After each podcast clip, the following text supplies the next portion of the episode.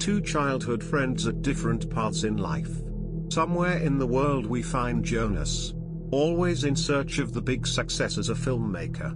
And in the alcoholic small town called Heilterbrook we find his best friend Robin who tries to live a normal life filled with corrugated cardboard. From time to time they catch up with each other while talking about their greatest interest, film. This is Filmosophy Podcast.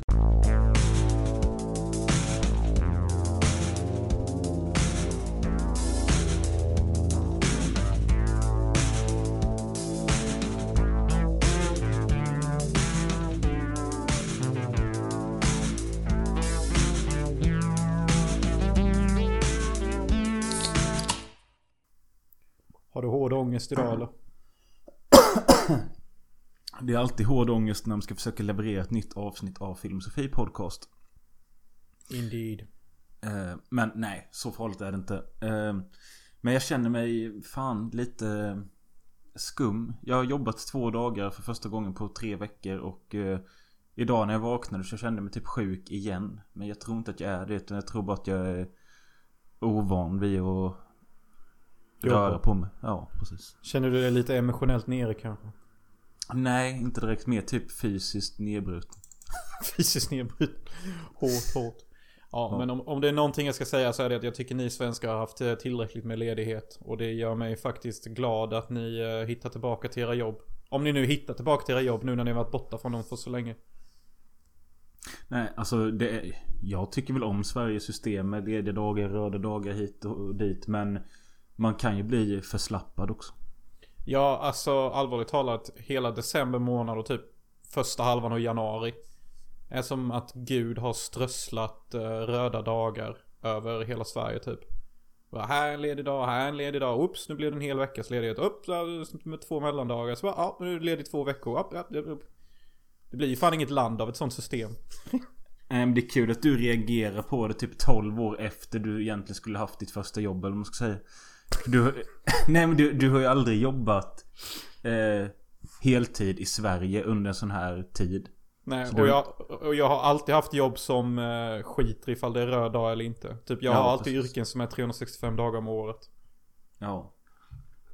Jo. ehm, typ vården och sån skit. Ja, exakt vården och sån skit. Ja. Sån skit som Sverige typ nästan skiter lite grann. Om man ska tro på vad politikerna säger. Ja. Nej, jag har bara märkt det för mitt yrke är ju kopier, som det så fint heter. Internetkopier. Usch, sensuellt typ. Och jag har märkt en ökning av spelare under december och januari. Det är helt galet. Och det är ju för att ni är lediga. Så då hittar ni till ATG där. Spela Ja. lite. Folk har fått in sin eh, jullön och sina julklappspengar. Sin Måste- julbonus. Ja, precis. Ja men alltså det är nog några som har suttit på en del julbonus. Alltså jag, spelade med en spelare. Och vi, får ju, vi ser ju hur mycket pengar de lägger emellanåt. Ja, jag trodde ni alltid gjorde det. Ah, i- ibland, ibland inte. Jag, jag tror det har att göra med vilken inställning man gör när man skriver kontraktet typ. Ja. Eh, och då var, då, då var det fan en tjomme som la 20 000. Och det är ju inte i kronor vi ser. Vi ser ju alltid euro. Så han la 200 000 kronor på en Black Jack-hand. Det är rätt sjukt. Och jag bara... Då är det lite spänning när man ska lägga ut kort till honom. Han får typ eh, en tia och sen så får han en femma. Då har han 15, han ska Det till är 21. inte bra. Ja, du har lagt 200 000 på den handen. Ska du hitta eller hoppas dealer bust? Alltså, alltså vad fan. Men vad, vad, alltså vad, hur gick det för han? Nej, han vann ju faktiskt den handen. Ja. Och jag sa, ja, jag, jag, jag kan tycka så att jag hör ditt glädjeskrik ända härifrån sa jag. För det kändes fan så. Men alltså jag tror... Är det inte så att... eh, Så då är det inga begränsningar i summor på ditt bord? Man kan spela för en 20 och man kan spela för 200 000. Det är olika bord. Uh, Blackjack bord 1 som är öppet 24 timmar om dygnet. Jag tror inte det finns någon, eh, någon, någon limit. I så fall så är det säkert typ en miljon kronor eller något. Mm. Men på de andra borden är det ju limits. Typ, eh, vi har ju ett bord som vi kallade cheeseburgerbordet ett tag. För att man kunde bara typ spela för en 10 eller en 20. Och på andra bord är 5000 the limit. Eh, så så det, alla bord har olika limits. Men just det bordet har no limits. Men vart ska man gå om man vill hitta dig då? Alltså, eh, det är ju bara att logga in typ valfri tid på ATG Casino. Och antingen så är jag ju på något av blackjack-borden eller rouletten eller lightning roulette. Jo men alltså, jag menar hur många bord finns det typ? Det finns eh, fyra blackjack-bord, ett vanligt roulette och ett lightning roulette. Och jag jobbar för ATG främst. My pride, Ja. my joy, my family. Ja, nej men då, jag menar så här, hade det funnits så här 70 olika bord så åker man ju inte leta runt. Men, Nej, men det går rätt fort. Och sen jag jobbar oftast kvällar. Den vanligaste tiden jag jobbar är mellan eh, sex på kvällen till eh, två på natten. Och de sätter mig jävligt ofta på lightning roulette för att jag är den enda som tar det seriöst. Eh, jag är den enda som känner mig... Alltså jag känner ju, jag känner, så här är det ju. Och du vet ju att jag är sån. Att är det en kamera som filmar mig. Då kan inte jag inte ge allt. Det liksom går emot min eh, moral. Så på Lightning Roulette, som är typ mer en program än ett spel. eh, Så underhåller jag. Det är ju typ som att, det är ju typ solopoddar. Alltså jag snackar ju så mycket skit och gör så mycket rörelse. Så alltså om ni vill ha lite mer smak och se hur jag ser ut. Då rekommenderar jag att gå in och kolla på Lightning Roulette. eh, För att jag är värsta entertainer. Kan inte Ja. hålla käft men jag har ju tänkt att jag ska på något sätt, jag vet inte riktigt hur jag ska göra det men på något sätt kunna göra en video. Där jag går in och spelar mot dig med typ 300 spänn eller något. Och eh, filma det på något sätt så att man ser både dig och mig. Ja det hade varit häftigt fan. uh, uh, så det hade. Jag, alltså nu när jag pratar om mitt jobb, det, det är lite underligt. Jag, jag blir typ lite glad, typ så. Jag gillar jobbet jävligt mycket och tycker det är häftigt att jobba för ett sånt känt företag som ATG liksom. Alltså jag, kom ju på en ganska enkel grej med hur man skulle kunna lösa det. Det är bara det att jag, jag sätter upp min mobil här som ett stativ och filmar dataskärmen och mig själv. Mm. Och eh, ja, men det får vi tänka på. Ja det vore fett kul. Eh, så det är... eh, och ibland blir det ju lite roliga diskussioner också. Jag är ju rätt pratsam av mig typ. Eh, och vi har ju en del karaktärer. Så att det, sådana ställen lockar till sig karaktärer. Ja, jo det kan jag tänka mig. Men ja, det är som sagt Film och Sofie Podcast med mig Robin Möller och med. Jonas, nej idag är det Jonas Hansen. Ja. In the flesh. In Och- the spirit. Vi är nyktra och dricker vatten för att Mm. det är vardag och eh, för att jag ska jobba. Jonas, ska du också jobba eller vad? Du bara... Nej, idag har det varit self-care day. Jag har faktiskt varit på spa hela dagen. Fått, uh, gått, legat i bastu och gått på uh, terapimassage faktiskt. Det är därför jag är lite lam eh, i min, eh, i min Approach. presentation. I vanliga fall är jag ju J-Dog Hansen eller typ Gestapo Hansen. Har alltid någon check, uh, rapp kommentar. Men nu är jag bara typ en ganska enkel person. Som sitter här och typ Ja. Känner sig... Du sitter där med din Tom, Tom Hanks i Philadelphia, Philadelphia halsduk. Inga fucking trigger words. Jag fucking varnar dig. Inga fucking cancer eller aids eller något sånt. Nej, förlåt. Men... Nej, eh, du, du har faktiskt en fin eh, halsduk på dig som din mamma har gjort. En... Eh, jag kan ju inte, jag, jag får bara chansa då. För jag vet att du har sagt det. Det är inte Gryffindor. nej. Det är inte Slytherin. Nej. Eh, är det Hufflepuff? Ja. Ja. Den gula och svarta är Hufflepuff. Och det är väl nog, om Harry Potter hade funnits, vilket det kanske gör. Då hade jag antingen blivit vald till Slytherin eller Hufflepuff. Eh, Slytherin är konstnärliga själar som lever sina egna liv efter sina egna regler.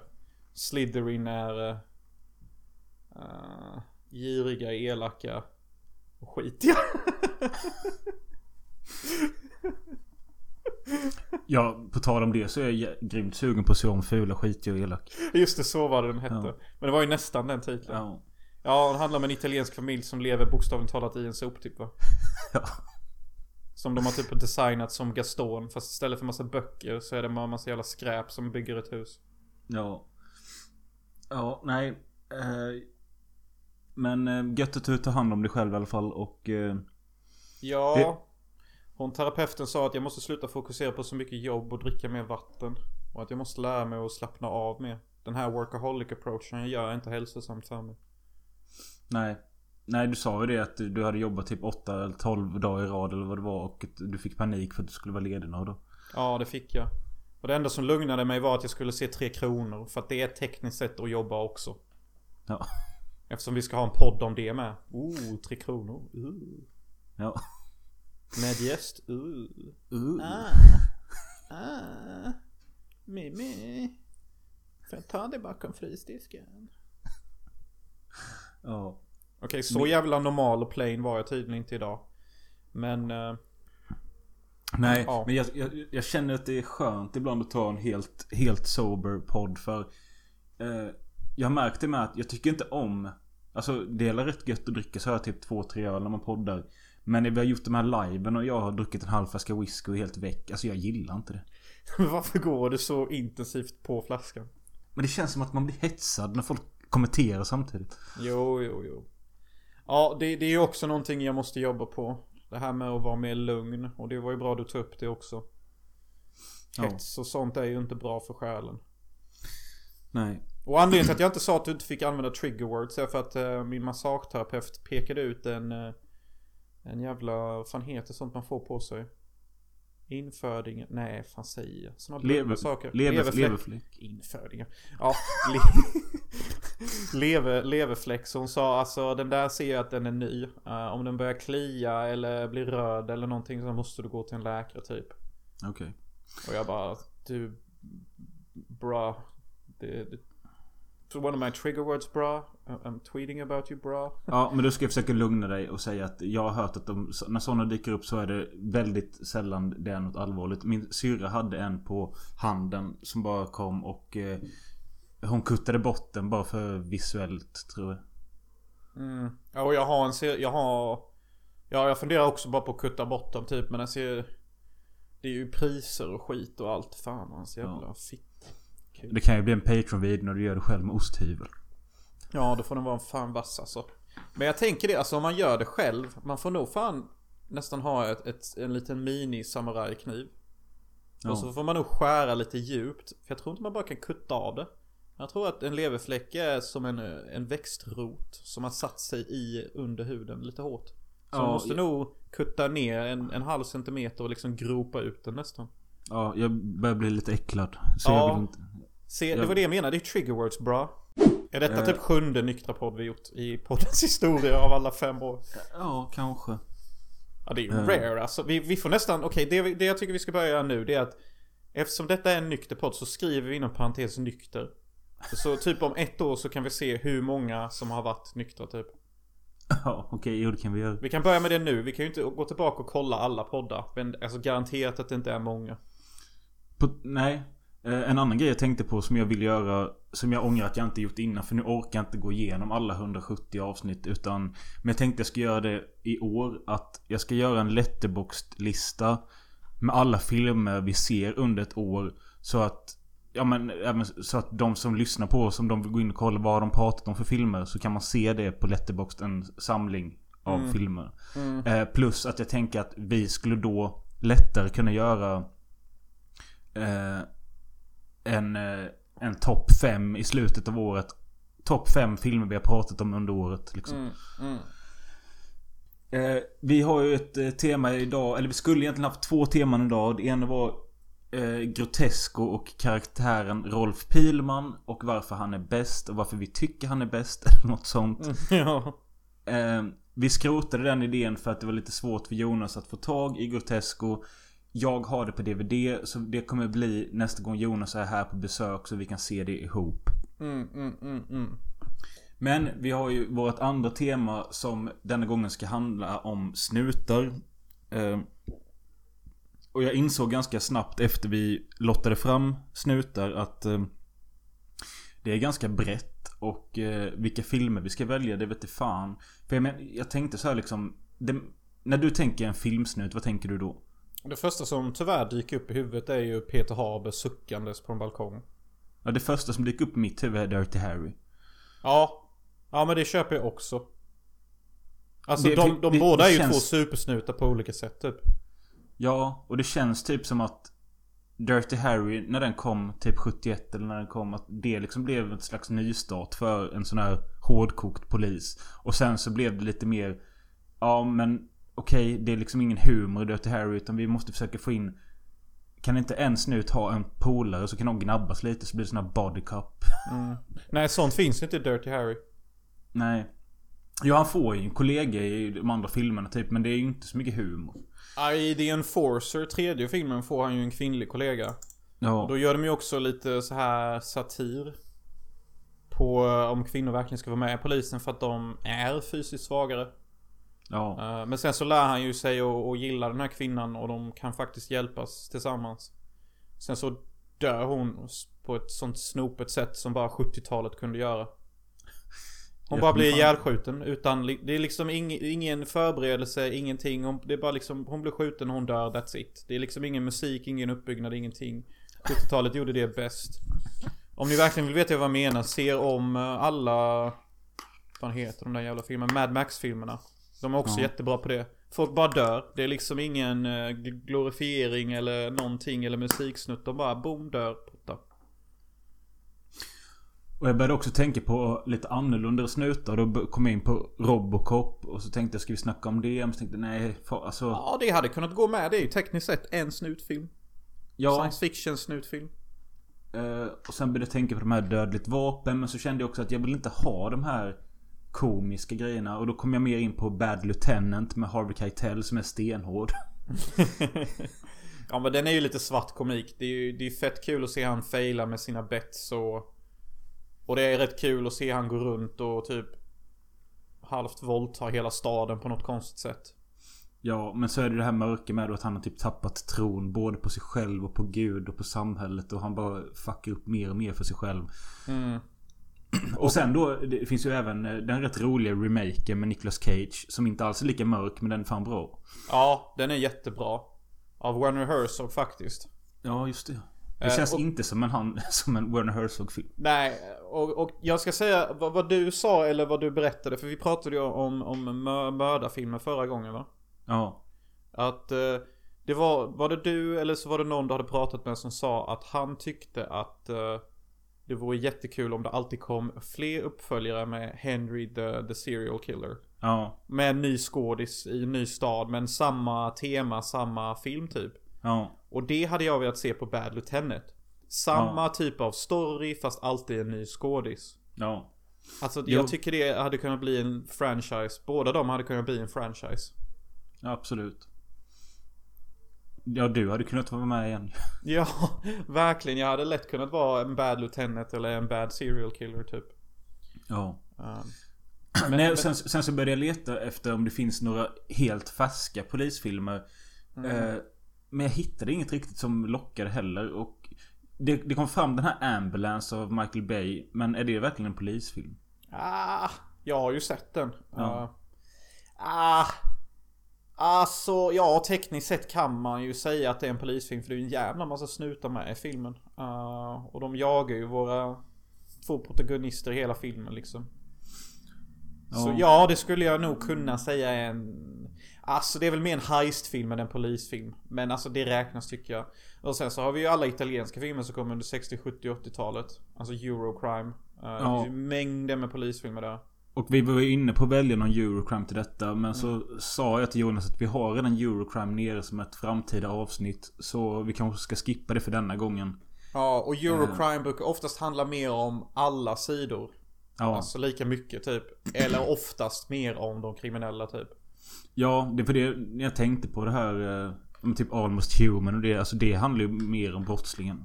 Ja, det, det Så har det ju alltid varit i underbara Italien under 60-70-talet. Det var ju mer fokus på antihjälten än hjälten typ.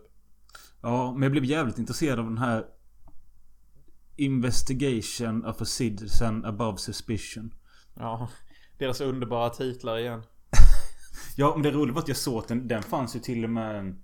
Vad fan var det? Jag ska ta fram det här. Eh, Jo, det är inte alla, alla, alla titlar som får en svensk översättning. Men den hade fått det och den heter alltså Undersökning av en medborgare höjd över alla misstankar. Nej men tjena. Det där funkar ju inte alls. Nej, men vad fan. Tänk att du inte är helt high på engelska och eh, du kanske fått, du fått som uppdrag att okej, alla engelska titlar som kommer in måste vi eh, översätta så att svenskan förstår. Då bara översätter man det rätt av typ och så blir det vad det blir. Ja men vad fan hur svårt är det bara på att hitta på någonting typ investigation, polisstöd eller något. Alltså det är ju bara att hitta på något typ. Ja, som precis som de gjorde med myrfilmen Dem. Som jag pratat om flera gånger. Som handlar om myror men de döpte den till Spindlarna. Ja det är som jävla miss alltså. Jag vet inte vad de gjorde där eller om det var ett skämt. Alltså jag tror allvarligt att det var ett skämt typ. Jag tror helt enkelt att det är så att de inte pallade se filmen. Så bara, det är någonting med djur eller kryp eller något. Ja, eller att ja, någonting gick fel typ. Eller någon komplott är det. Men det är fucking off alltså. Ja. Det är redigt off. Eller att de hade fått en amerikansk beskrivning av filmen där det stod någonting om ants eller något. Och de fick för sig att ant Trodde att det var spin- spindlar typ. Ja. Och så hade de redan issued alla ja. posters och skit och sånt. Så bara, nej nu får den heta det typ. Hade nästan varit lite kul att ha en sån poster. Ja, faktiskt. Lite kul. Och på tal om det. Det har jag glömt fråga dig med. Det, det är egentligen helt off-podd. Men jag behöver... Jag ska rensa min vind snart. Och där är det ju fan en hel eh, flyttlåda med dina filmer. Vad vill du göra med dem egentligen? Ja, så har jag filmer hos dig? Ja. Vilka då? Det är en låda fylld med filmer. Naz Nazi-filmerna? De kanske är där i, jag vet inte. Jag vet att det är lite westerns och sånt. Okej. Nej men alltså. Jag kan be mamma hämta den så kollar jag igenom allt sen. Ja. Eh, yes. Men som sagt. Alla de här snutarna vi nämnde nu. Vi valde att inte snacka något utav, om, de- om dem. Utan vi valde tre rätt olika eh, titlar som det känns inte som att många har pratat om dem. Eller ja, jag vet inte fan. Men vilken vill du börja prata om? Ja men vi, vi, vi börjar väl med någon med lite tryck i sig. Uh, vi kan väl börja med Tango and Cash. Meet Ray Tango. He likes money, Easy come, easy go. but doesn't bother with cash. Meet Gabe Cash. He won't dance around trouble and doesn't mind stepping on toes. I hate you karate guys. Two of LA's top rival cops are having a tough time staying in rhythm. Tango and Cash från 89. eh, regisserad av en kille som heter Andrei Konchalovsky. Som kanske inte så många känner till. Men han har gjort en jävligt bra Runaway Train. Ja, jo, jo. Eh, och det är med Kurt Russell som spelar Cash och med Sylvester Stallone som spelar Tango, Ray Tango. Eh, och i skurkrollen har vi Jack Palance. Ja. Eh, Och när jag såg att Jack Palance var med, för jag, jag visste inte att han skulle vara med innan jag startade filmen. Och helt plötsligt bara dyker han upp där i en scen. Och jag bara, den här snubben är aldrig tråkig. nej. Den här snubben kan vara i världens skitfilm. Och hans scener är i alla fall roliga. Jag vet inte hur många skitfilmer jag har sett. Och han är med i 10 minuter och han är det enda bra med filmen. Ja, nej men han har någonting absolut. Speciellt i, vad heter den? Compañeros. Ja, i Vamos det- a matar compañeros där han är en cannabisrökande maffia-cowboy eller någonting. Och, fun fact. Alla de joints han röker i filmen är riktiga. Ja, men alltså han är en riktig sån method skev actor. Det finns någon film jag köpte som heter typ Ja det är någon sån här skev titel typ eh, Lisas eh, erotiska resa genom uh, fan Transylvanien eller någonting. Och så, och så är han med i någon slags grottscen. Och jag kollade på behind the scenes på den och de bara Ja alltså det var ju jättekul att spela in med Jack Palance när han bara sepade ur i 10 minuter i grottan. För att han tog LSD en timme innan och han bara körde på liksom. Du tänker inte på den vi såg till podden? Eller det kanske är... Det var för det är också jävligt skumt att han var med i typ den mest obskyra Black Emanuel-filmen. Black Emanuel and the Black Cobra eller något sånt. Uh, vi såg den till podden. Det är med Laura Gemser som Emanuel och sen så är han någonting där med. Alltså den... den Alltså jag för mig att det var, vi fick ladda ner en VHS-ripp eller något för att den var så jävla obskyr. Ja det där känner jag inte igen men bara, bara så att eh, ni vanliga dödla, dödliga som lyssnar på denna podd och inte är så kunniga. Då ska jag hjälpa er att förklara vem Jack Palance är. Den mest kända roll han har gjort för allmänheten är faktiskt i eh, Batman-filmen från 1989 också. Ja, och vem är han där? Han spelar eh, Jack Nicholsons eh, chef, eller maffiaboss. Det är också han som sätter upp Jokern. Eh, men sen så kommer ju Jokern tillbaka och skjuter ihjäl Jack Palance. det, det finns en jättekul behind the scenes med Jack Palance där också. Eh, För det är ju typ nästan Tim Burtons första långfilm typ eller någonting. Och, och Tim Ja. Burton och Jack Palance hamnade i, i luv på varandra. Och i äkta eh, Jack Palance-anda, han levererar ju sina lines på ett sätt så bara I have done 85 movies How many have you done Mr Burton? För han var typ separg på honom att han inte kunde ge tydlig regi och bara höll på att fjoppla så mycket. Jack Palance är ju en man som typ bara, jag kommer hit och skådespelar och gör mitt och sen så är det fucking done. Jo, men han känns som en jobbig jävel likt typ Klaus Kinski och Oliver Reed och alla de här gamla Ja, han hör till den skalan. Alltså, aldrig en dålig rollprestation, aldrig ointressant, men... Och alltid en dålig dag. Och ja, typ nästan. Eh, Men jag tycker han är fantastisk i denna filmen. Han är en jättefantastisk bov. eh, Som gillar att leka lekar typ. Och han snackar alltid om games och skit och det finns ingenting han gör som inte har någon uns av excentrik, excentrikhet till sig. Jag tänker Nej. speciellt på när han bara ska stänga av en TV med fjärrkontrollen. Han, han gör det med hela handen bara Goodbye gentlemen. Och så bara kramar han hela fjärrkontrollen så med alla fingrar spretar bara poff, avstängt liksom. Ingen normal skådespelare gör ju så. Men för att komma in lite på de här snutarna då. Så är det ju eh, som sagt Kurt Russell. Han är den lite... Ja vad fan är han? Han är en cool snut som eh, är lite sjaskig. Han är klädd lite trasigt och har långt hår. Och eh, är väl en bra snut och har satt dit Jack Palance gäng någon gång. Eh, och Sylvester Stallone är motsatsen till honom. Han är välklädd i kostym, vältalig, har glasögon och sköter också sitt jobb jävligt bra. Båda är liksom supersnutar men de tycker inte om varandra.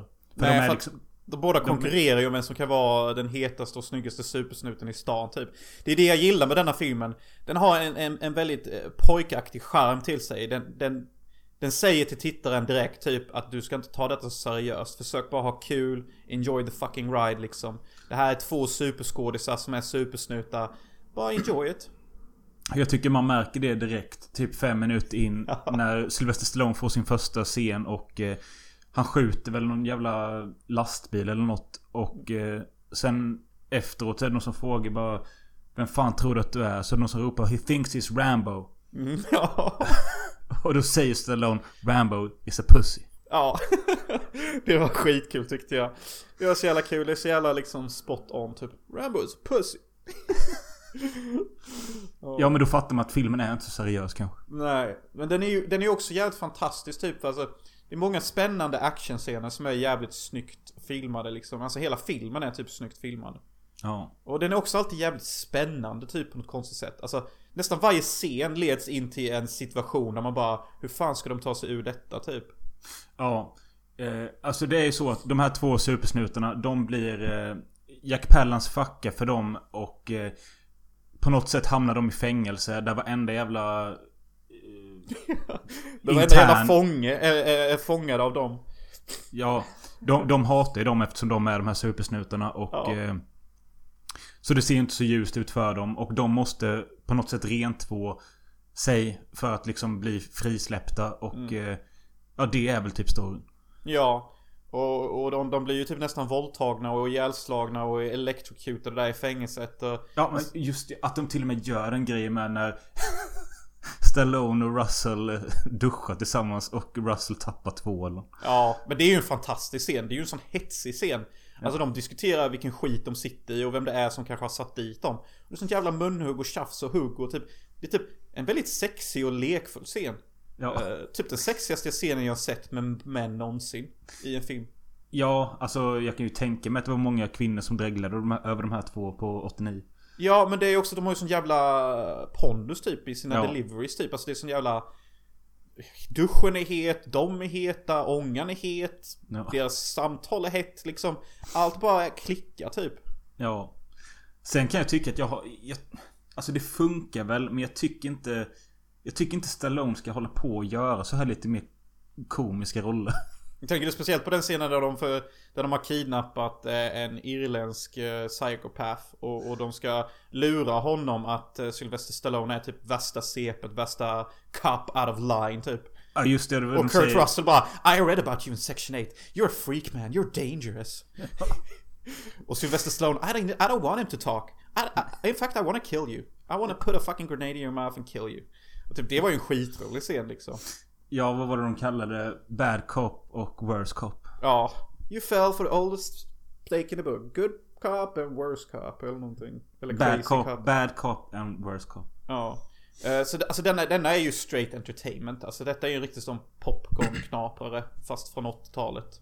Ja, och eh, den verkar som den, den verkar inte jätteomtyckt. Eh, vad, vad det beror på vet jag inte men Ja, alltså jag var lite kluven till den.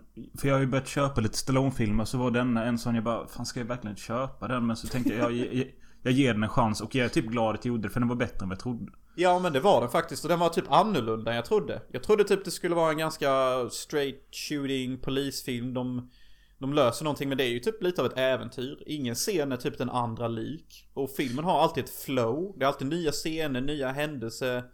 Eh, nya revelations typ. Jag gillar speciellt när de introducerar Sylvester Stallones syster som är någon fin strippa fast hon typ inte strippar utan hon dansar och så är det den här klassiska låten Don't Go. Ja just det. Den ja. Ja det, det är rätt sött där med. Eh, hur, hur Kurt Russell alltid försöker vinna Sylvester Stallones blessing så att han får dejta hans syster. Ja. Och, och sen så är det ju någon slags följetong att under tre gånger i filmen så försöker de ge varandra high fives. Ja, Men det är inte först i slutet de verkligen gör en high five i luften. Och då Och klipper de till det, ja, eftertexter. men, alltså, det, det, det, det kände man ju direkt första missen. Sen kom det en till. Bara, Okej, den kommer sluta med att de lyckas. Ja, och det, det, det, det blir så jävla mega 80s och så jävla manligt och så jävla god feeling när de bara skrattar bara haha. Så bara, Så jävla broigt. ja. Det är en riktig Eh. bro-film alltså. Jag läste dock att de hade lite problem med eh, under inspelningen med regissörer och sånt. Ehm, han som är krediterad då, han Kowalowski. Han eh, gjorde väl mest av det. Men de hade även två till. Någon blev kickad. Någon kickade... Stallone kickade någon för att han tyckte att han var inte dedikerad. Och sen så gjorde Stallone mycket med och gick in och skrev om manuset och regisserade lite. Och eh, han Ko- han sa att eh, man skulle kunna tro att jag är förbannad för, på Stallone för allt han försökte ändra på hela tiden. Men jag skulle mer kalla han att han var the voice of reason on set. Han skötte liksom grejerna så det inte blev helt kaos. Jaha, men vad kul. Ja. Ja, han är ju regissör också ju. Ja. Så han är. Eh, nej men fan, Tango and Cash, god rull. Ja, det är en god rulle och... Eh, alltså bara det att Jack Palance som är som vi nämnde innan tycker jag är helt fantastiskt typ. Ja. Alltså det är ju superb casting alltså. Det går ju aldrig fel med den snubben. Nej jag gillar han med. Kanske inte lika förtjust som du men eh, absolut. Hade vi gjort eh, som vi gjorde innan med topp tre kvinnliga skådisar och topp tre manliga skådisar om vi har en sån. Tror jag nog att han hade kunnat hamna på plats tre faktiskt.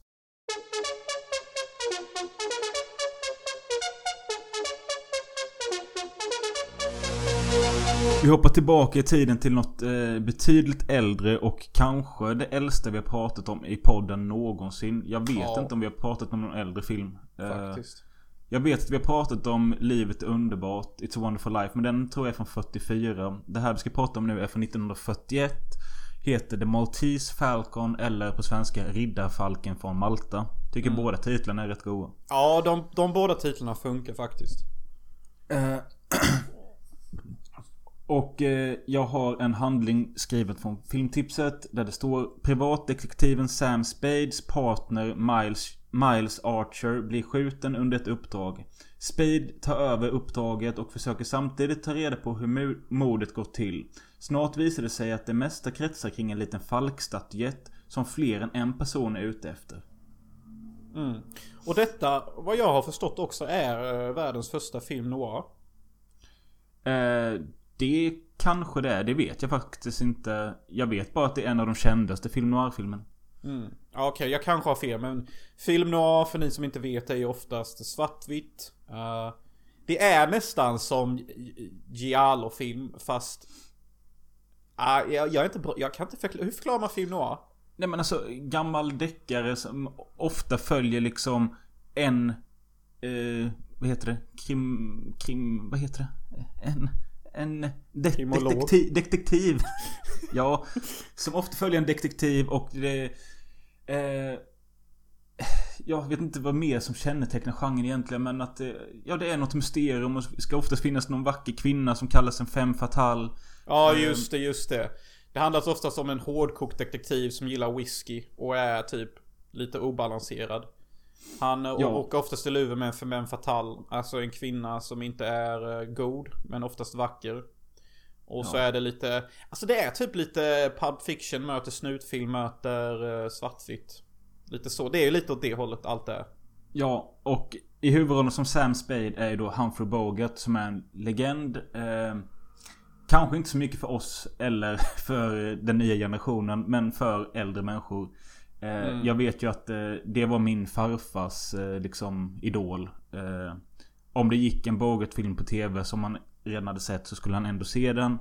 Och han pratade liksom om Bogart hela tiden. Det var Bogart och John Wayne. Så de två har alltid, det har varit två namn som har funnits med i mitt liv. Men jag liksom Jag har aldrig brytt mig om dem tills jag då för något år sedan såg skitfilmen Casablanca. Det tror jag var min första... eh, Casablanca har dock jävligt bra romanssamspel, det kan du fan inte förneka. Scenerna med bara eh, mannen och kvinnan är bra. Ja, kanske. Du kan skita på resten av filmen men det får du typ inte skita på.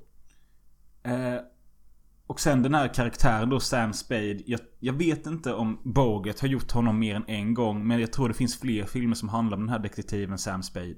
Sen tänker jag också så här att jag har bara sett Bogart se ut på ett sätt hela tiden så spelar det egentligen någon roll vilken karaktär han är känns som det är samma karaktär ändå typ. Ja, nej jag vet inte. Eh, nej, jag har fan inte en aning. Men hur fan ska man börja hugga tag i den där filmen? Hur fan förklarar man Nej, en film alltså- noir? Nej, men alltså vet man inte vad... Alltså, du behöver ju inte veta så jävla mycket. Men är inte det... Vi kan börja prata om det. Är det inte konstigt att när vi gick i TV och filmgymnasiet att på en lektion där så visade vår lärare oss eh, filmen Dead Men Don't Wear Plaid. Eh, Döda män klär inte i rutigt. Ja. En parodi från 80-talet med Steve Martin på de här film noir-filmerna. Mm. Jag tyckte det var ett intressant Alltså intressant att han visade det för oss för han borde ju fattat att eh, Några 16-åringar 2008 De vet ju fan inte vad film noir är eller har sett det så Det borde inte vara så kul för dem Nej, men det är också en tv och filmlinje. Det går Ja. ut på att vi ska lära oss saker om tv och film som vi inte har sett. Jo men varför visade han då inte Riddarfalken från Malta istället till exempel? Ja, det, det tycker jag är en poäng i. Han visade mycket som hade med film noir att göra. Men aldrig en riktig film noir-film. Men han kanske fattar att eh, vi inte kommer palla det Vårt attention span är liksom Det går inte Ja, det är sant. Han, istället visade någon annan film noir-film som typ var från 80-talet, lite mer moderniserad. Men, Och eh, mycket humor Ja, men alltså jag... Nej just det, du tänker, du tänker på den body hit ja Ja, exakt. Ja. Exakt.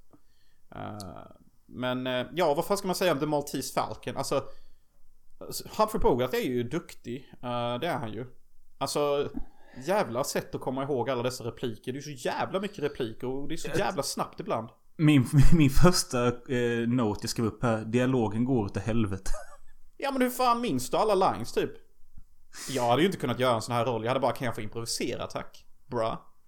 Nej, alltså jag, jag tycker... Jag såg den med först engelsk text och sen svensk text. Och... eh, Sen försökte jag bara lyssna istället. Men alltså det går undan och det är inte bara Boget utan alla snackar som fan. Ja, alltså den som snackar långsammast är ju kvinnan i filmen The Femme Fatale då. Eh, som Mary är- Astor som... eh, Vem fan var det? Var det Mussolini som hade utnämnt henne till världens vackraste kvinna? De hade ju fan ingen smak för. Så fin är hon fan inte. Men alltså visst, hon är la tjusig och vila ögonen på. Men eh, hon är ju intressant typ. Eh, tyvärr en kvinna i min smak. Eh, sån jag bör hålla mig undan egentligen. Ja. Excentrisk och ljuger hela tiden och gör bara ett stort drama av sig själv utan anledning. Skulle man kunna säga som, så här att liksom efter Sam Spades kollega dör i början av filmen och han först blir anklagad för det och sen fixar han så att han inte är det längre. Sen är det typ 90 minuters dialog mellan, olika, mellan Sam Spade och andra karaktärer om den här eh, statyn. Ja, det är lite så. Men det är ju lite mer spännande moment och, och det är ju lite pistolhot och sånt ibland. Alltså den stjärnan i den filmen för mig är Peter Lorre. Han som eh, spelar Mr. Cairo i filmen. Joe Cairo ja. Jävla Ja. freak är han. Alltså första scenen när han är inne på Sam Spades kontor och eh, hotar honom. Eh, Och blir nedslagen där. Och sen efter han blivit nedslagen är han bara helt chill med det. Bara okej, du nitade mig. Ja, ja, men du vet jag vill bara ha falken. Ja, han säger det bara. Alltså, alltså, så, alltså jag ska försöka imitera bara. Oh, Mr Spade. You must understand that me and my important colleague are looking for a falcon from the Maltese. Now you must understand I must point a gun at you and search you. Just to be sure you're not a bad guy. Alltså det är typ den tonen han har. Ja men det är så sjukt med att han är liksom Han är en random snubbe som går in på en polis jävla kontor och där ska han överfalla honom och förklara liksom jag måste göra detta. Ja, det är hela den stilen verkligen. Det är exakt så som du sa. Bara, You, you must understand, I must point the gun at you. There's no other way. Han är så jävla ofarlig också, det går inte att ta honom seriöst. Nej. På det sättet han pratar typ och så bara Ser ut som han går runt och typ lider av någon jävla sjukdom hela tiden typ också. Typ.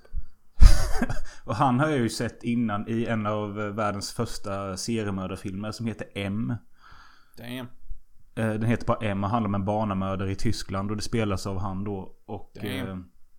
Eh, sen, sen har jag sett en annan film med han med Vincent Price. En sån gammal skräckfilm. Vincent Price är ju också en eh, topp tre skådisar typ alltså. Han kan ju hamna på listan. Ja. Sen har vi då den här eh, Fat Man som heter Gutman. en stor jävla snubbe som också vill ha Falken. Ehm, och eh, lite kul, jag läste på Trivia där att de fick... Eh, de fick faktiskt bygga speciella möbler för att han skulle kunna sitta i vissa stolar och sånt. För det gick inte. Han är så stor och fet och jag älskar vinklarna de lägger på honom. Där typ buken tar upp 70% eh, av allt. Och så ser man den feta cigarren i hans mun. Det är riktigt så här grodperspektiv. Och jag bara... Ser, alltså de visste typ om man filmade eh, från perspektiv förr typ. Eh, Nu för tiden är allt så jävla drone-filmat och pans och, och paneringar och... Det finns liksom ingen stil längre. Nej. alltså. Sen har ju filmen någon... Eh, någon slags upplösning där som håller typ på i 10 minuter, en kvart i slutet. Mm. Och det är väl ganska bra men Samtidigt känner jag att vid den, vid den tiden in i filmen så hade jag, alltså det var så mycket ord som hade gått in i mitt huvud typ. Ja men jag, jag hänger faktiskt inte riktigt med i svängarna i filmen. Eh, om jag ska vara allvarlig. Eh, jag, jag, jag vet inte varför de tycker det är så viktigt att ha den här jävla riddarfalken från Malta. Ja men det är för att den är värd så jävla mycket eller innehåller någonting som inte jag fattar. Den om ska vara äkta guld eller någonting. Och jag förstår inte varför de nämner tempelriddarna från Malta i början av filmen i en slags text. Eh, nu vet ju jag att tempelriddarna har gjort mycket på denna ön här förr i tiden på Malta. Malta är ju liksom en low key spirituell plats med många eh, ritualistiska hemligheter. Eh, det är väl antagligen därför jag drömmer som en jävla jude sen jag kom hit.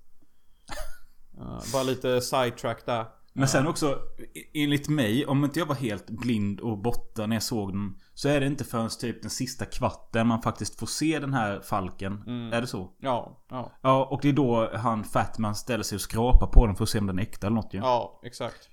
Men ändå så läste jag på, om det var IMDB eller vad fan det var, att de använde åtta olika falkar till filmen. Varav två var riktiga falkar typ och hej och hå. Och därför fattade jag inte, va- varför behövde de använda så många om det bara visades en gång? Ah, jag fattar inte heller det, men det var väl många retakes eller någonting. Men det är kul nu att den, en utav de här som de använde i filmen är nu världens dyraste movie prop om du vill köpa den. Den är uppe i så en miljon dollar om du vill ha den. Wow! Ja, det hade jag fan nästan kunnat tänka mig att det skulle bli. För om det är världens första officiella film noir också. Ja. Då är det ju typ värd det. Ja, men sen så blir det ju extra kul med att den är värd så mycket i filmen. så blir det ju liksom roligare i verkligheten Ja, också. men både Humphrey Go- Bogart och The Gutman har liksom hållit i den. Det gör ju också den skitvärd mycket. Ja. Ehm, och filmen var ju då regisserad av John Huston som är en ganska stor eh, gammal regissör som jag tror gjorde massa westerns och fler film noir.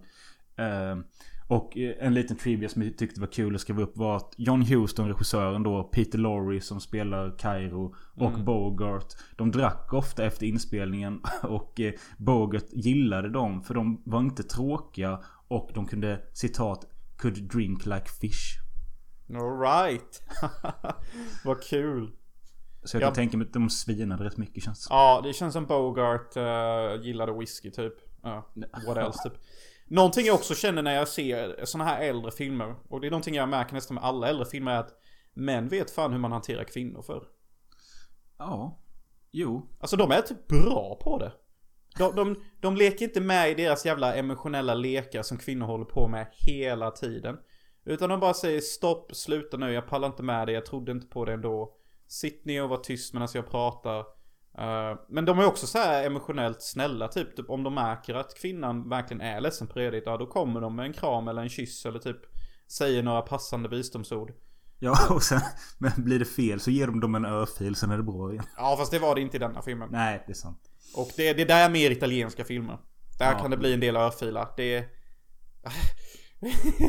ah, The Fifth Chord med Franco Nero och Giallo-film. Han slår fan sin flickvän tre gånger under den filmen och han är tydligen hjälten. Det är jävligt svårt att hålla på honom alltså. Speciellt när han gör det för ingen anledning alls och det är hårt också. Så jag kan tycka så här när jag ser film noir nu att ja, vi behöver mer sådana män. Vi behöver bli sådana män igen som vet hur man lägger lock på en kvinnas känslor när det väl behövs. Alltså jag kan känna så här efter att ha sett denna nu. Och igår så såg jag, detta hade ju inte någonting till podden att göra, men jag såg att SVT Play hade lagt upp det som brukar räknas som typ världens bästa noir. Eh, den tredje mannen. Eh, Mm. och jag såg den också. Och Ja, så wow. eh, kände typ likadant. Alltså det är... Så här, jag vill tycka om noir mer än vad jag gör. För jag tycker att... nej men det är mysigt och jag blir sugen på att röka cigg för det ser gott ut i den svartvita miljön och... Eh, Mm, mm. jag tycker liksom om det här lunket med alltså att de bara går Åker hem till någon, snackar med den, sticker vidare till nästa för att ta leda på nästa ledtråd. Det är mysigt men det är, jag, jag kommer inte in i det. Jag... Och, och det är synd för att Hade jag tyckt om detta mer, för nu har jag då sett två av de som anses vara bäst. Hade jag... Alltså för då hade det ju öppnats en helt ny värld. Då hade jag liksom haft 50 till 100 filmer jag kunde plöja i år. Men jag känner inget sug efter det. Jaså? Ja men då känner jag nog lite mer sug än du. Eh, men jag känner också lite som du, det var faktiskt svårt att komma in i det emellanåt. Och när de pratar så mycket och det är så många namn och jag är jättedålig på namn. eh, så tappar jag bort mig själv i handledningen typ. Ja. Alltså jag, jag vet ju typ inte ens hur upplösningen blir. Alltså jag, jag vad fan, alltså jag, jag fattar typ inte hur allt hänger ihop. Jag, jag fattar ju hur upplösningen blir. Men hur fan de kom fram till det, det har jag ingen aning om. Blev du besviken på att den inte utspelar sig på Malta? Ja, lite. Ja. Jag trodde de skulle ha någon scen på Malta eller någonting. Men det var ju bara introtexten i början som förklarade lite om tempelriddarnas äventyr i Malta. Ehm, men om man ska ge några något så är det ju att utan de här filmerna så kanske vi inte hade fått Dirty Harry och sånt sen. För... Vi, hade ju definitivt inte fått Giallo. Det är ju en Nej sak precis men, ja, men både Jallo och eh, Dirty Harry och sånt för att om man tänker just Dirty Harry så är ju detta Det är ju samma sak som detta bara det att där har de dragit in mer våld och pang-pang. Ja. Mm. Eller? Nja. Fast Clint Eastwood är ju inte smooth som Bogart. Nej men det är ändå lite samma stuk. Ja, jo. Jo. Och, men det, visst om du tar Jallon där så där är det ju Det är ju mycket mer likt. Där är det också så här mycket snack, mycket ledtrågar, mycket twistar. Ja. Uh, mycket för män fatal. Uh, Ja. Och sånt. Fast Jallo handlar ju mer om, uh, där är det ju mest, mest fokus på um, mord och sånt. Uh, men jag, jag tror inte Giallo hade funnits om inte Noir hade funnits. Alltså fan det är... Åh. Det är så att jag skulle vilja... Ja. Jag skulle vilja... Hitta någon sån här gammal noir som jag verkligen känner bara wow den här var grym. Kanske Sunset Boulevard. Den har jag sett. Jaha. Eh, den, den, den tycker jag nog var bättre än både denna och eh, Den tredje mannen. Och jag har även sett Kvinna utan samvete. Den minns jag inte så mycket av. Eh, men ja, skitsamma. Men Noir är det vad det. Ja. Men både Tango and Cash och The Maltese Falcon tycker jag faktiskt är 4 av 5. För att jag tycker att båda filmer gör nästan perfekt av sig med vad de utger sig för att vara. Och inom den genren de verkar i så är de nästan till felfria typ. Fan vad du är snäll. Ja, jag har blivit väldigt snäll på senaste med mina betyg. Det har jag faktiskt. Jag delar ut fem och fyra och sånt. Men alltså allvarligt talat. Jag hade aldrig typ en tråkig stund i Tango and Cash. Och när jag såg The Maltese Falcon, jag var typ alltid intresserad och tyckte alltid att alla scener var rätt spännande. Uh, Man får ju se saker för vad de är typ. Uh, you can't judge a bird Uh, on his ability to swim, you know. Nej men jag tycker heller inte... För jag hade ju inte kul hela tiden när jag kollade på den. Alltså jag tyckte det blev lite segt. Jag, Ja, jag tycker man det, då ska ju betyget sänkas. Harry. What is it?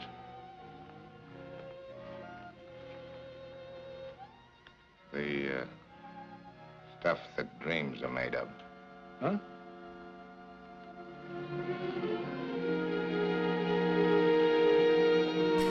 Ska vi gå till den sista och helt annorlunda filmen? Absolut, absolut. Och eh, ja, det här är Stone Cold från 91. Ladies and gentlemen, Mr. Brian Bosworth. You know, all my life people have had the wrong idea about me. I don't like cops who make up the rules as they go. They say I push things just a little too far. They accuse me of being insensitive.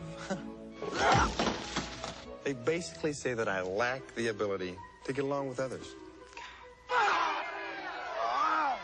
So just to prove these people wrong, I decided to join a very exclusive and private club. Oh yes, it's very plush. And the membership, very select. And games, we play some games. Den är Ja. cool, ball, tuff och rapp. Och den är Eh. hård. Den är stenkall. Och i huvudrollen där har vi någon kille som heter Brian Bosworth. Som eh, var en eh, rugbyspelare men som blev skadad, kunde inte fortsätta spela. Så han testade att bli skådis istället och detta var hans första film. Och han är stor och han har en hockeyfrilla som är blond och han ser typ stor ut. Ja, du sa ju att han ser ut som Duke Nukem och jag tycker det är perfekt alltså. Det gör han verkligen. Alla vet väl för fan vem Duke Nukem är. Ja. Stenhård, ja exakt som du beskrev. Blond hockeyfrilla, stenhård, stor, öppen jävla väst med feta jävla manspattar typ. Alltså det är nog Ja. 300 push-ups varje morgon på den liksom. Han spelar en snut som eh, blir typ pressad till att eh, infiltrera ett eh, motorcykelgäng som heter The Brotherhood som leds av Lance Henriksen och det är filmens handling. Ja, och Lance Henriksen har ju fan aldrig sett coolare ut. Helvete vad stek han är i denna filmen alltså. Ja. Fy fuck. Legolas hår som är lite flöttigt. Ja. Uh, jävla Elton John-brillor typ och... Bandana. Så, ja, och bandana och så motorcykeloutfit liksom. Ja. Riktigt Nej. stekare är han alltså. Riktigt stek. Han är hård, men alla, alla i denna filmen är hård, hårda. Och jag tycker det introduceras ganska tidigt i filmen när de ska visa upp hur motorcykelgänget ser ut. Och Vad fan Ja. hände? Dör du nu eller? Nej, alla står i sina jävla västar och typ eh, med sina vapen och de leker Wilhelm Tell. Den här klassiska att man sätter någonting på huvudet och ska skjuta, prickskjuta det. De, och de gör det med ölburkar på sina huvuden tills någon kille tar fram en Uzi och bara pepprar. Ja, och spränger en bil i bakgrunden och alla skrattar åt det typ. Ja. Eh, Och sen så har de typ uh, fighter nere på beachen också. eh, Mellan varandra typ. Eh, och en scen som fick Gestapo Hansen inom mig då. Att bara komma giss. Det är ju när de panerar över The Brotherhoods läger. Och man får se en äkta naziflagga. Sitta på en utedusch. Och i uteduschen ser vi två vackra blondiner med de mest perfekta kropparna. Uh, tvåla in sig själva. Vi får liksom nazi och nudity i ett. Gestapo Hansen, giss. Ja. Men när vi ska introduceras till eh, vår huvudkaraktär som heter... Han heter Joe. Men han kallas något annat när han är infiltratör. Skitsamma, Joe kallar- Stone tror jag han heter faktiskt. Ja, men vi kallar han för Joe eller Stone. Skitsamma. När vi ska bli introducerade till han eh, i hans lägenhet. Och han gör i ordning en smoothie.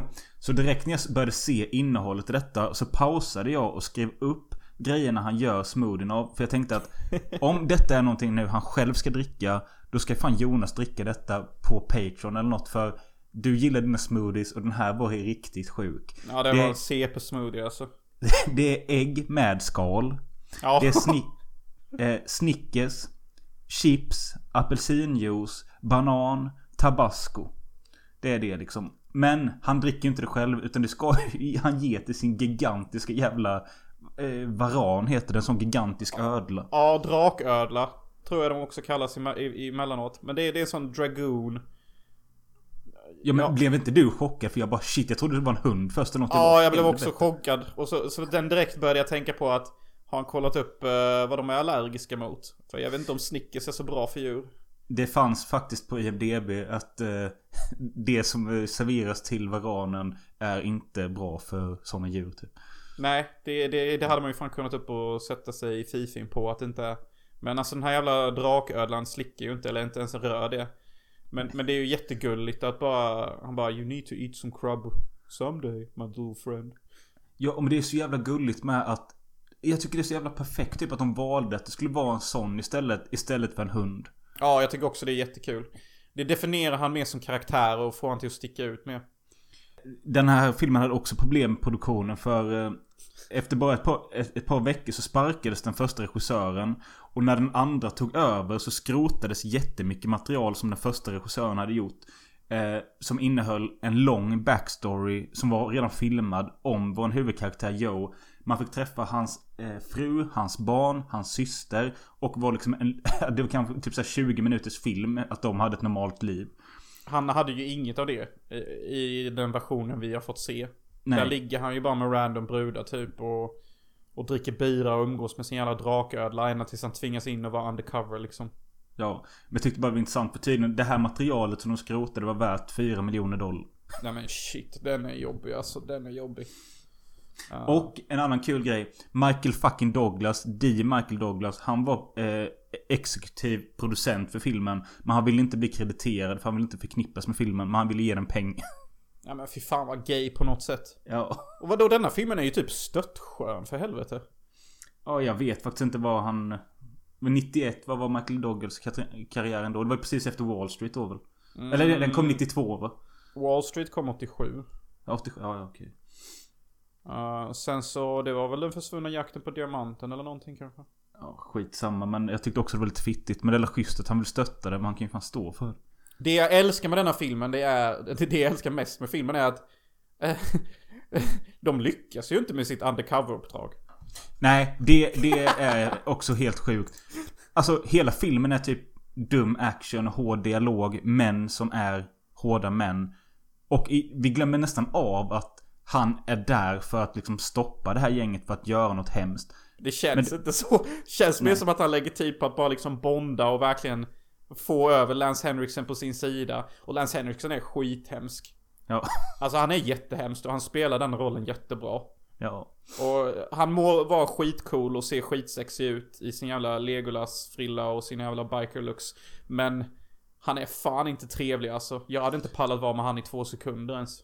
Nej, alltså det går inte att lita på honom för fem öre och eh, tycker han inte om det så kommer han göra något åt det ganska snabbt. Finns ju en scen där han liksom startar motorcykeldäcket och eh, sätter in en killes fingrar i ekrarna så att de försvinner. ja, sen så finns det en annan scen som jag tror är exakt samtidigt. Han är typ arg på sin flickvän eller någonting. Och så tar han sig om huvudet och typ bara öppnar ögonen och bara I need a new bitch. And I need her now. Ja, så när Lance dyker upp så stjäl han ju showen. Men man ska inte pissa på huvudrollen så mycket heller för jag tycker... Vad fan är det som händer? Ska du fejka så framför chefen sen? Jag tycker- Ja, det, du kanske ska gå hem Nej men jag tycker... Jag tycker den här Brian Bosworth, alltså han, hur, så som han ser ut.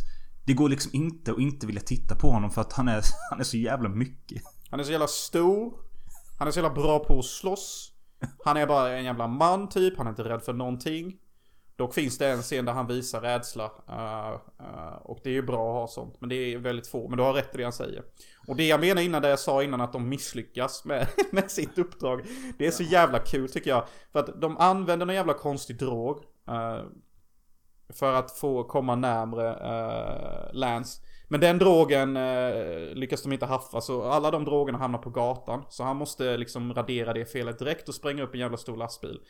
Sen så ska de ju också försöka stoppa ett attentat på typ 30 stycken viktiga politiker i någon jävla politikerhus. Ja, det failar de med stenhårt. Lance Det är sjukt att de bara, att de bara pepprar. Ja, Lance Henriksen lyckas smuggla in en jävla italiensk Tech 9 eller någonting. Och bara peppra sönder alla politiker. Skitrått. Han typ dödar 30-40 pass. Det är bara mission accomplished. Bo bovarna lyckades, hjältarna failade. Och jag bara, är det någon som tänker på detta? Att bovarna verkligen vinner stenhårt? Alltså de lyckas ju med allt. Typ.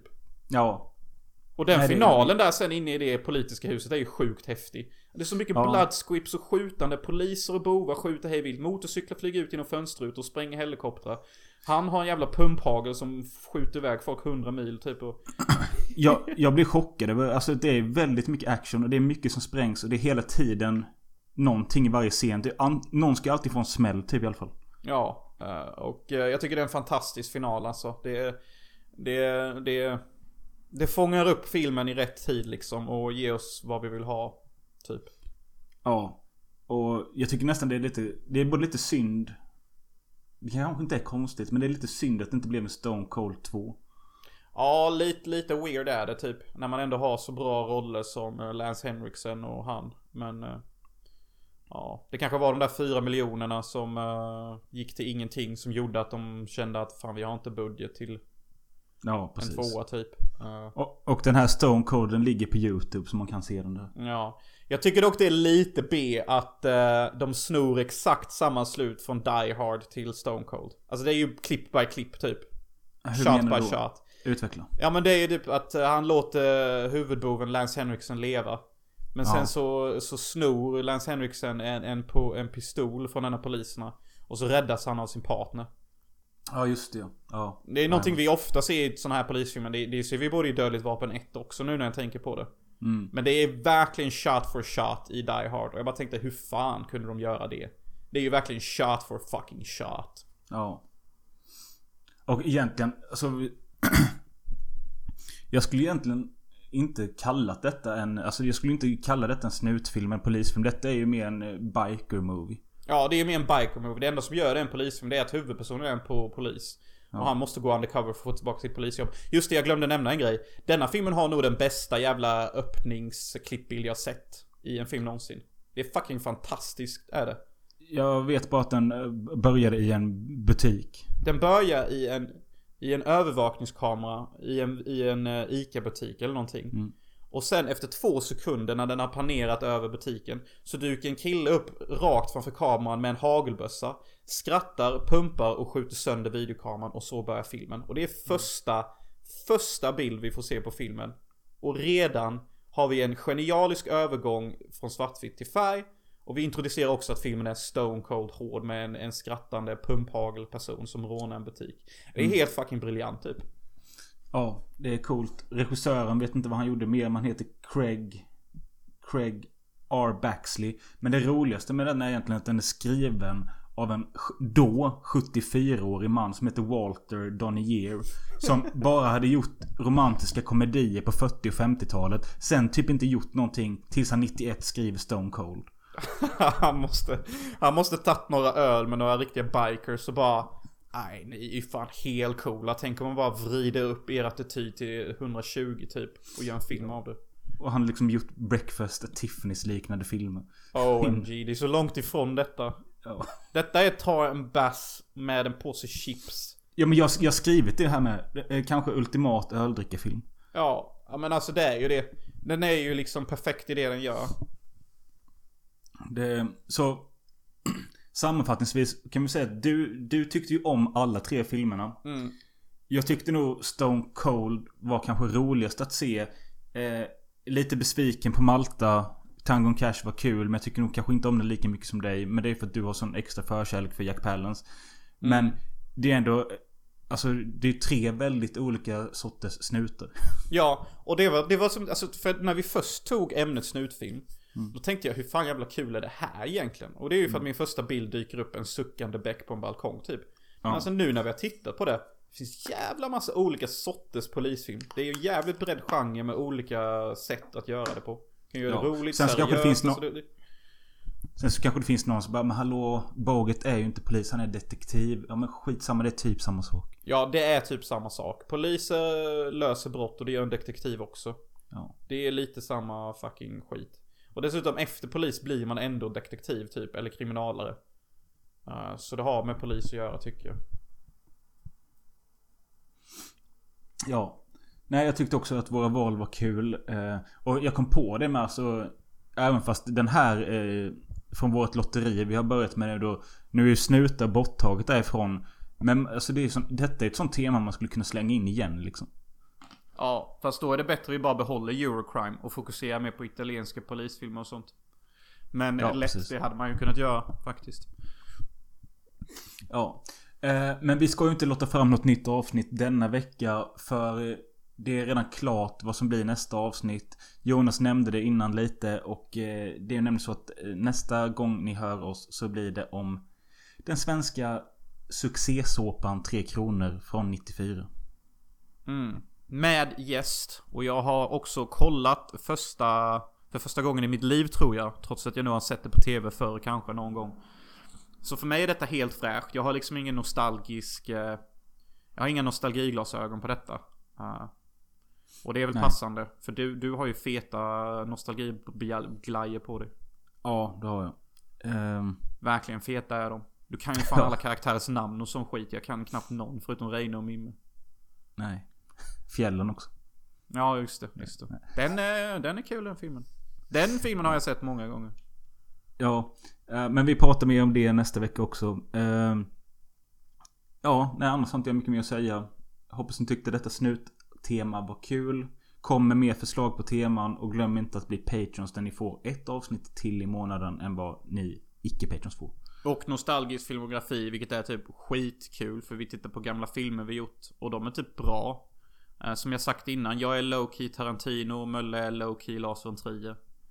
Ja. Ja. Eh, nej, men eh, vi säger väl hej då för idag då. Ja, det gör vi. En nykter podd. Eh, Bli inte bekväma med det. Nej. Nej, eh, ha det gött.